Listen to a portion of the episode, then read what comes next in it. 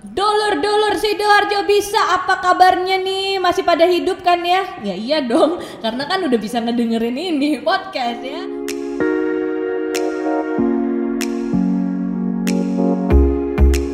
Walaupun lagi masa pandemi kayak gini, pastikan kamu itu mengkonsumsi informasi yang positif, informasi yang membangun dan juga cerita-cerita yang inspiratif dari Kabupaten Sidoarjo. And you're in the right place. Jangan ganti-ganti channel makanya podcast kita yang di YouTube itu kamu subscribe, terus di Spotify juga ya.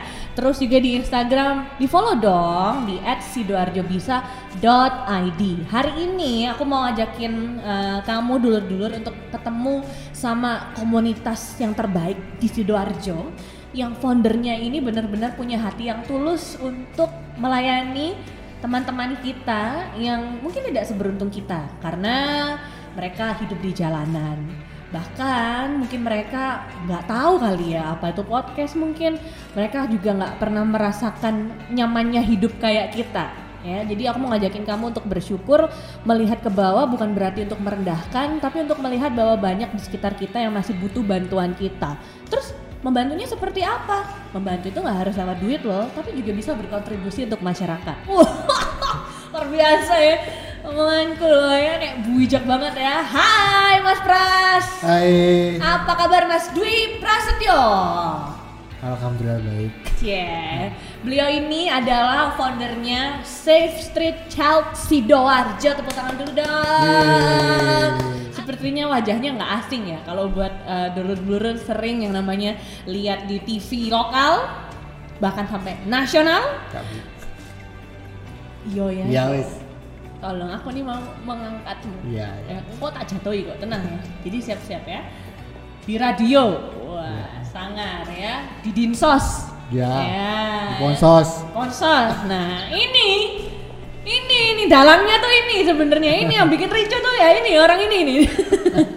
Mas Pras bener ya foundernya Safe Street Child Sidoarjo.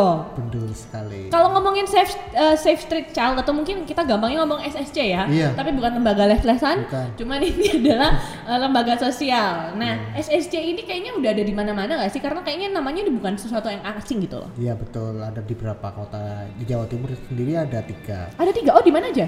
Di Malang, Surabaya, sidoarjo. Oh, di kota Dan mau launching lagi di Jember. Oh di Jember juga. Iya. Wah, jadi Surabaya, Sidoarjo, Malang, sama nanti akan launching lagi di Jember. Jember. Ada di seluruh Indonesia juga nggak sih? Ada di Palembang ada, Jakarta ada, Depok Mhm. ada. Udah sejak kapan sih ini Safe Street Child? Karena Udah. kayaknya memang udah lama banget gitu loh. Iya, berdirinya udah sejak aku belum lahir. Oh, enggak leh. 2011 kita Ah. berdiri di Surabaya tepatnya di bulan Mei juga. Oh, memang awal mulanya dari Surabaya ya? Iya, Oke, nah Safe Street Child ini apakah memang khusus untuk anak-anak jalanan yang kalau kita tahu seperti pengamen atau yang eh, tukang sol sepatu anak-anak yang biasanya ngelapin mobil anak-anak, eh mobil anak-anak, mobil orang dewasa di jalan ya. Ya, safety child ini emang bergeraknya lebih ke anak dari lebih ke pendidikannya mereka. Oke. Apalagi hak mereka kan seperti mereka bermain, berpendidikan dan ber apa berkehidupan yang lain itu pasti mereka yang beri. Memang sama pemerintah nggak diurus? Ya ada Kok sampai ju- ada ada komunitas ini nih gimana? justru mereka kebantu kita. Oh gitu. Iya. Jadi ini perpanjangan tangan pemerintah gitu Oh, ya? enggak kita inisiatif sendiri. Oh inisiatif sendiri Inisiatif jadi ini ya. Jadi dari teman-teman yang ingin menolong mereka akhirnya juga dibantu Iya. sama eh, dari pemerintah juga ya. Ada ada kayak di stadion gini kan saya sering kalau mereka ketangkap atau kita galang pendidikan jadi saya koordinasi sama dinas terkait. Oh jadi sama dinas terkait juga ya. Nah berarti kalian ini teman-teman SDSC ini yang suka nangkep-nangkep teman-teman jalanan tuh? Enggak, kita nggak menangkap sih, kita mengajarkan mereka berpendidikan aja. Oke. Jadi fokus kalian adalah ke pendidikan anak-anak jalanan. Emang seberapa apa ya? Seberapa penting dan perlukah kehadiran kalian ini sebagai komunitas di kota besar seperti Surabaya, Sidoarjo dan Malang? Sebanyak itukah anak jalanan karena kayaknya kalau kita ngelihat eh, dulur-dulur di jalan di Sidoarjo mungkin ya dari mau dari Waru sampai Porong sana tidak sebanyak dulu kok malah mungkin jarang tuh ngeliat anak jalanan Ya itulah salah satunya peran pemerintah juga goalnya dari situ. Tapi di tidak kemungkinan mereka dibalik di jalan semua tapi ada kemungkinannya itu masih ada Oh, oke. Jadi mungkin sekarang tidak di jalan tapi di pemukiman. iya Nah, eh, yang sudah masuk dalam kategori anak jalanan itu yang seperti apa? Yang memang tidak sekolah, eh, tidak sekolahnya itu juga karena tidak ada biaya, atau mungkin yang memang dari keluarga eh, kelas Oke. bawah, ya, yang eh, cara ekonomi rendah, atau yang seperti apa? ya benar salah satunya mereka ekonomi rendah jadi turun ke jalan juga itu bukan apa bukan cara mereka untuk yang untuk hidup yang lebih layak tapi itu alternatif mereka. Sebenarnya mereka nggak mau cuman mereka butuh wadah. Dan mereka nggak mau dipandang sebelah mata dalam masyarakat. Sehingga SSC ini hadir untuk mereka mewadahi mereka pendidikan dan untuk apa pemberdayaan yang lebih lagi lebih baik lagi Oke, ini menarik karena tadi eh, Mas Pras bilang kalau anak jalanan tidak ingin dipandang sebelah mata, Iya. ya. Berarti itu memang keinginan mereka nggak pengen dianggap rendah gitu. Enggak. Oh, atau bukan ah, karena Mas kenal aja nih. Karena mungkin banyak dulur-dulur yang mikir jalanan, mikirannya gitu ya, Mas. Oh, tapi salah satunya yo, iya iki salah satunya mereka kan banyak yang sukses kan yang udah udah yang udah udah lama di jalanan Oh ya? kayak kelanting Siapa? kelanting Oh iya, Kelanting. Terus terus terus. terus itu Mbak Via Pala Oh, Teko Darjo. Iya, Iya, itu. iya, iya, iya, iya. Teg- yang apa penyanyi tegar itu Mm, mm, mm, itu kan udah sukses Banyak makanya kita dari motivasi mereka untuk biar biar biar ke sana Mm, mm, mm. Gitu. banyak kok orang jalanan itu yang butuh rangkulan bukan butuh cemooh Oke, masyarakat. Betul betul betul. Tapi kan gini, sekali lagi mas, eh, kita nggak bisa mengontrol pandangan dan opini masyarakat yang tidak anak jalanan, Iya. ya. Atau mungkin yang bersekolah, punya pendidikan, menganggap mereka itu kan lebih ke kayak eh, dalam tanda kutip seperti benalu. iya Banyak yang anggap, kok niku iso opo? Arek-arek iki iso opo? iya Mek kentrungan nang dalan, gak kerja, tak apa. Itu pandangan orang gitu Mas. Apakah memang mereka seperti itu? enggak sih itu kan alternatif dari bakat mereka kemarin tahun ini bukan kemarin tahun ini di antara bakat itu kita masukkan ke SMK yang punya karya seni di Surabaya tahu nggak SMK mana Mana? SMK 12 Wow. dia punya seni tari ya Oke. udah kita masukkan kan dia di training di sana Iya iya iya, ini menarik loh ya. Berarti jangan sampai dulur-dulur itu menganggap rendah teman-teman yang tidak seperti kita. Iya. Mungkin yang selama ini kita lihat kayak cuma di jalan. Mereka tuh bukan di jalan karena nggak ngapa-ngapain ya, karena apalagi yang bisa mereka lakukan, ya kan? Wadahnya nggak ada. Iya. Makanya mereka berkeliaran seperti itu. Hadirnya Safe Street Child Sidoarjo ini adalah untuk mewadahi mereka. iya betul Nah, eh, Mas Pras sejak kapan nih punya Kalau- ide dan atau mungkin melahirkan yang namanya Safe Street Child Sidoarjo ini? kalau di sidoarjo sendiri tahun 2015 2015 15 berarti udah lima tahun ya? 5 tahun Oke, awal mulanya gimana? Memang Mas dari Ya, SSC Surabaya? awal mulanya saya dari volunteer di Surabaya terus melihat anak-anak di jalan kan kasihan tabrak trek gandeng kok Bu. jadi viral bu anak jalanan didian apa iya, gitu iya. kan Iya, akhirnya dari teman-teman yang ada di Surabaya kegiatan yang di Surabaya tak tarik sini ayo di yuk. Hmm, Oke, jadi Mas punya ini ya kayak ya apa ya kita Darjo iki? iya Emang waktu awal-awal Mas um, turun ke jalan, khususnya untuk nanganin anak jalanan yang di Sidoarjo, bawanya? awalnya cuma tiga Oke, sekarang udah jadi 70 3 sampai 70. sampai sekarang udah jadi 70 Eh, tiap tahun meningkat tiap tahun meningkat. Berarti ada banyak di Sidoarjo yang Iya. masih belum terekspor, karena belum terja- ter- Sidoarjo ini kota urban sama kok Surabaya Betul, betul, betul, betul. kebanyakan pendatang yang gagal ya udah akhirnya mereka ngajak anaknya ke jalan Hmm, di Sidoarjo ternyata masih sebanyak itu ya. Terus gimana tuh, Eh, Mas Pras waktu pendekatan ke anak jalanan Hmm. pertama kali, kenalannya kayak gimana? dulu malah sempat dipisui kan Sumpah, Iya. kayak jangan, iya weh, bilang gila." gi- bi- bilang bilang gitu ngapain mas gitu Oke. itu kan wilayahku gitu sampai pertama kali kita mencegah anak itu untuk kawin dini kelas 6 loh cowoknya seumuran saya Di Sidoarjo. iya di alun-alun Ada ya? ada Ya ampun, mungkin sama ini dulur-dulur Sidoarjo mikirnya ya pernikahan dini kayak gitu tuh di luar Surabaya Sidoarjo ya, di tempat yang Jadi- mungkin nggak ada bioskopnya Nah, gitu loh. Jadi teman-teman chef Tirta Jajar ini mencegah itu alhamdulillah alhamdulillah itu bisa. Nah, sekarang oh, dia tumbuh besar sekarang. pendekatannya Mas tuh kayak gimana? Datang ke mereka tuh kayak gimana? Saya lebih ke door to door. Door to door tuh dalam arti ayo ikut belajar pakai susu dulu. Ikut belajar lagi tak kayak beasiswa. Ikut belajar lagi tak jak pergi ke Ma- nama Malang Mbak bis. Oh. Mbak kereta gitu. Iya, iya, iya. gitu. Akhirnya dari situ dia tertarik. Wow. Jadi eh, Mas ngajakin mereka untuk ini antara dari rewardnya nih. Iya. Waktu awal mereka mau nggak?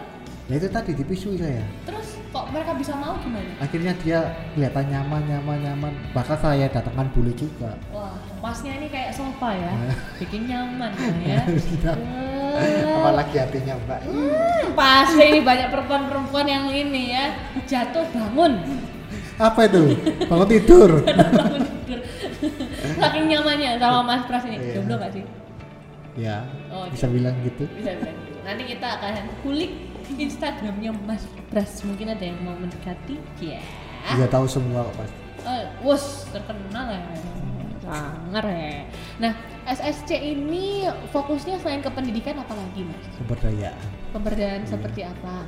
mereka biar gimana pun caranya mereka nggak turun di jalan kita kasih wadah salah satunya mereka kalau emang pengen berusaha berwirausaha berseni ya kita salurkan ke tempat-tempat yang ada Oh, Oke, Maksudnya. ini kalau ngomongin uh, usaha juga gitu ya, ini ada loh dari usaha lokal sidoarjo nih.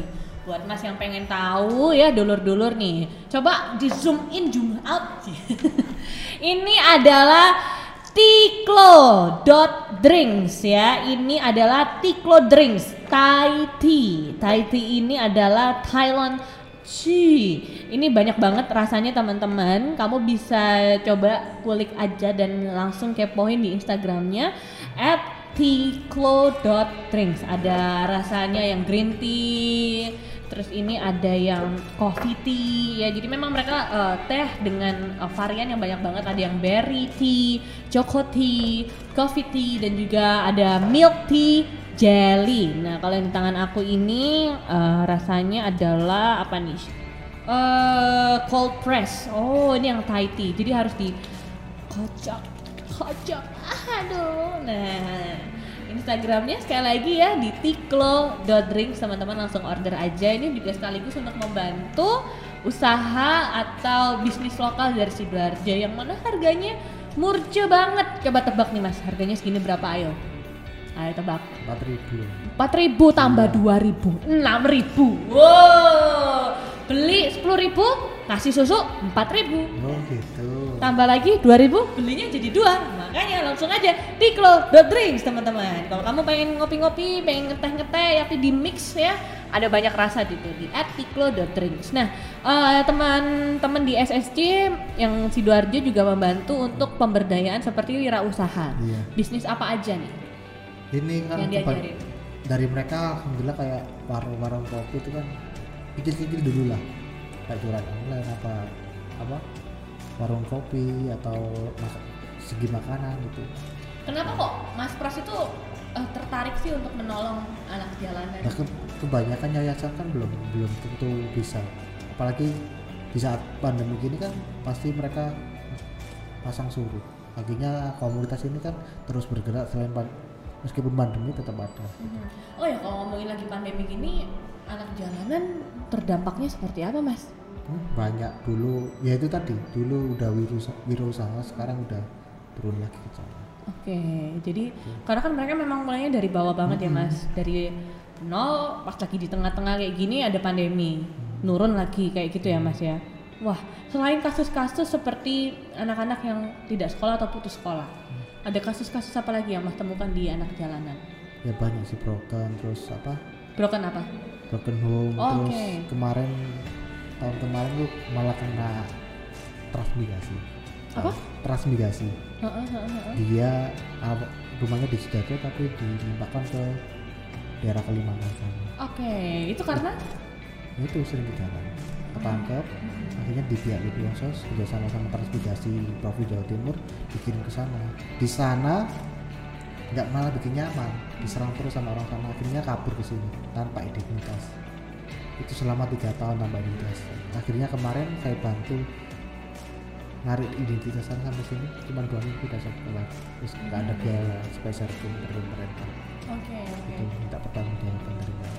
Terus apalagi nih kasus yang sering Mas temui? Mungkin kalau dari segi eh, pernikahan dini misalnya, ada nggak kasus-kasus kayak yang nggak tahu nih yang bisa Mas temui kayak gimana? Banyak sih ya. Terutama sekolah sekolah gitu. Hmm. kalau sekolah udah nyaman mereka beri kebebasan. Kebebasan dalam apa? Ya pak ya ke sekolah sandalan. Oh. tangannya ditato. Akhirnya dari pihak sekolah bukan negur orang tuanya saya yang ditegur. Ah.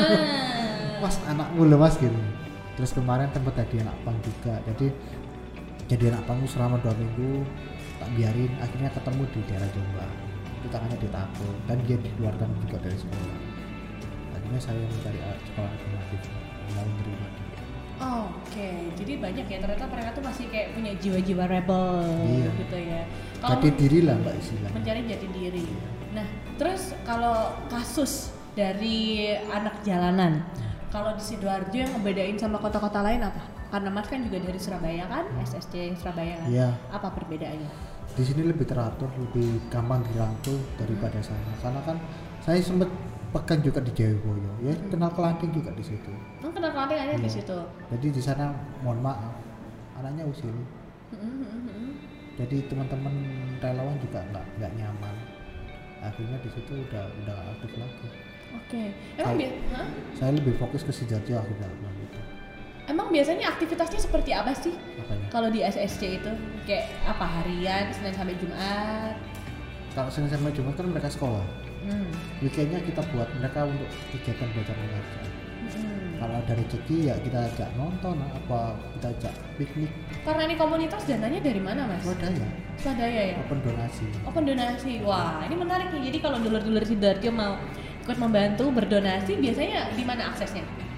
Ya lihat aja di seragamnya SS Cal Sidoarjo SS Child Sidoarjo. Di situ banyak banget nih ya buat teman-teman yang ingin berbagi di masa pandemi kayak gini. Yuk sama-sama kita saling tolong menolong karena ada banyak juga loh yang masih belum seberuntung eh, kita ini. Nah, kalau misalnya dulur-dulur juga pengen kayak bantuin ngajar atau ya datang aja nggak apa-apa datang aja ya. iya Ah. mungkin selama pandemi ini kita masih daring Mm-mm. itu aja masih susah daring karena mereka kan keterbatasan alat gadget ya, sama pemilik kuota akhirnya Mm-mm. saya sama teman-teman itu datangi ke rumahnya mereka Oh. oh. ajarin kan dia ada Eh, orang tuanya nggak apa-apa dah sama teman-teman SSD ini. malah malah suka sama teman-teman SSD Oke. terapannya beda sama kota komunitas lain jadi Relawan- kita punya ciri khas gitu Apa tuh? ya kita rangkul mereka jangan nyepel nyepelekan mereka juga kita rangkul gitu mereka itu sama kayak kita cuman mereka berada tidak beruntung aja Mhm. Nah, relawannya ada berapa kalau di SSC? kalau relawan itu banyak sekitar 200 hampir semua kampus di Surabaya itu kok Oh gitu. Ya, tiap tahun tuh ada kerjasama kayak penelitian kayak ayo mas UKM ke tempat sampai ngajar selama bulan ini Mhm. Nah, anak-anak Safe Street Child-nya itu di situ juga dibentuk kayak apa sih kayak ketuanya kah? Atau ada kayak kelas-kelas atau semua dijadiin Oh, satu? iya ya itu tadi lebih tepatnya ke kelas ke umur Mhm. bahkan tahun 2000 berapa tuh tahun kemarin mungkin kita kehilangan adik-adik Oke. di saat kita habis belajar itu mereka kesetrum meninggal di lokasi Aduh, kok miris sekali mas. Ya. saking aktifnya anak itu Iya, iya, iya. kondisi hujan juga Oke, kondisi hujan ya. Tapi paling tidak dari peristiwa itu juga buat teman-teman SSC Sidoarjo jadi berhati-hati ya. Iya. Dan kalau misalnya sekali lagi dulur-dulur ingin membantu, ingin menjadi bagian dari Safe Street Child Sidoarjo, itu bisa banget.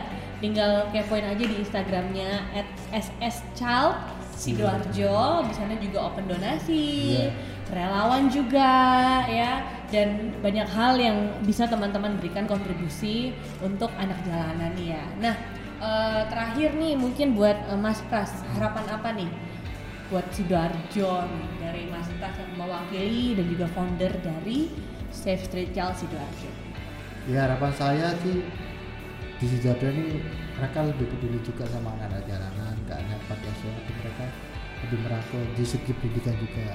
Jadi ya terutama mereka kan butuh belas kasih juga. Tapi nggak harus melulu mencapai mereka. Dari situlah kita merangkul mereka juga. Oke ya, ayo rangkul-rangkul.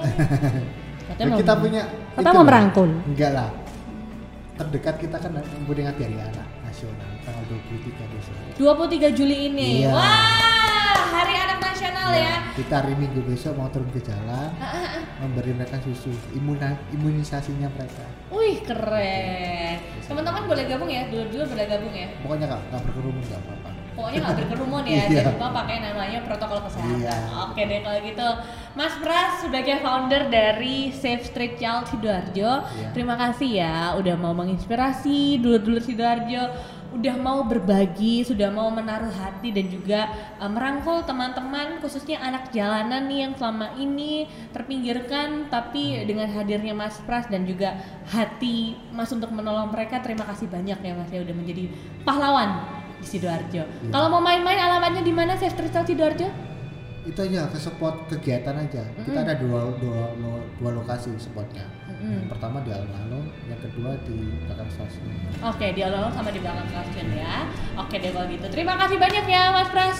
Sehat-sehat salam buat teman-teman Safe Street Child Sidoarjo dan juga dealer-dealer. Jangan lupa nih ya di episode selanjutnya kita juga masih punya informasi lainnya dan sharing-sharing session bersama sosok yang inspiratif dari kabupaten kita Kabupaten Sidoarjo dan jangan lupa nih ya untuk selalu menolong dan juga berbagi walaupun lagi pandemi kayak gini sama-sama kita tetap memperhatikan mereka yang masih berkekurangan. Ketemu lagi di episode selanjutnya ya. Aku Marina Brian pamit dan jangan lupa untuk subscribe YouTube kita di Sidoarjo Bisa, Instagramnya di @sidoarjobisa.id dan juga di Spotify kita Sidoarjo Bisa karena Sidoarjo bisa bisa bisa bisa bisa bisa bisa kalau kita mau berusaha.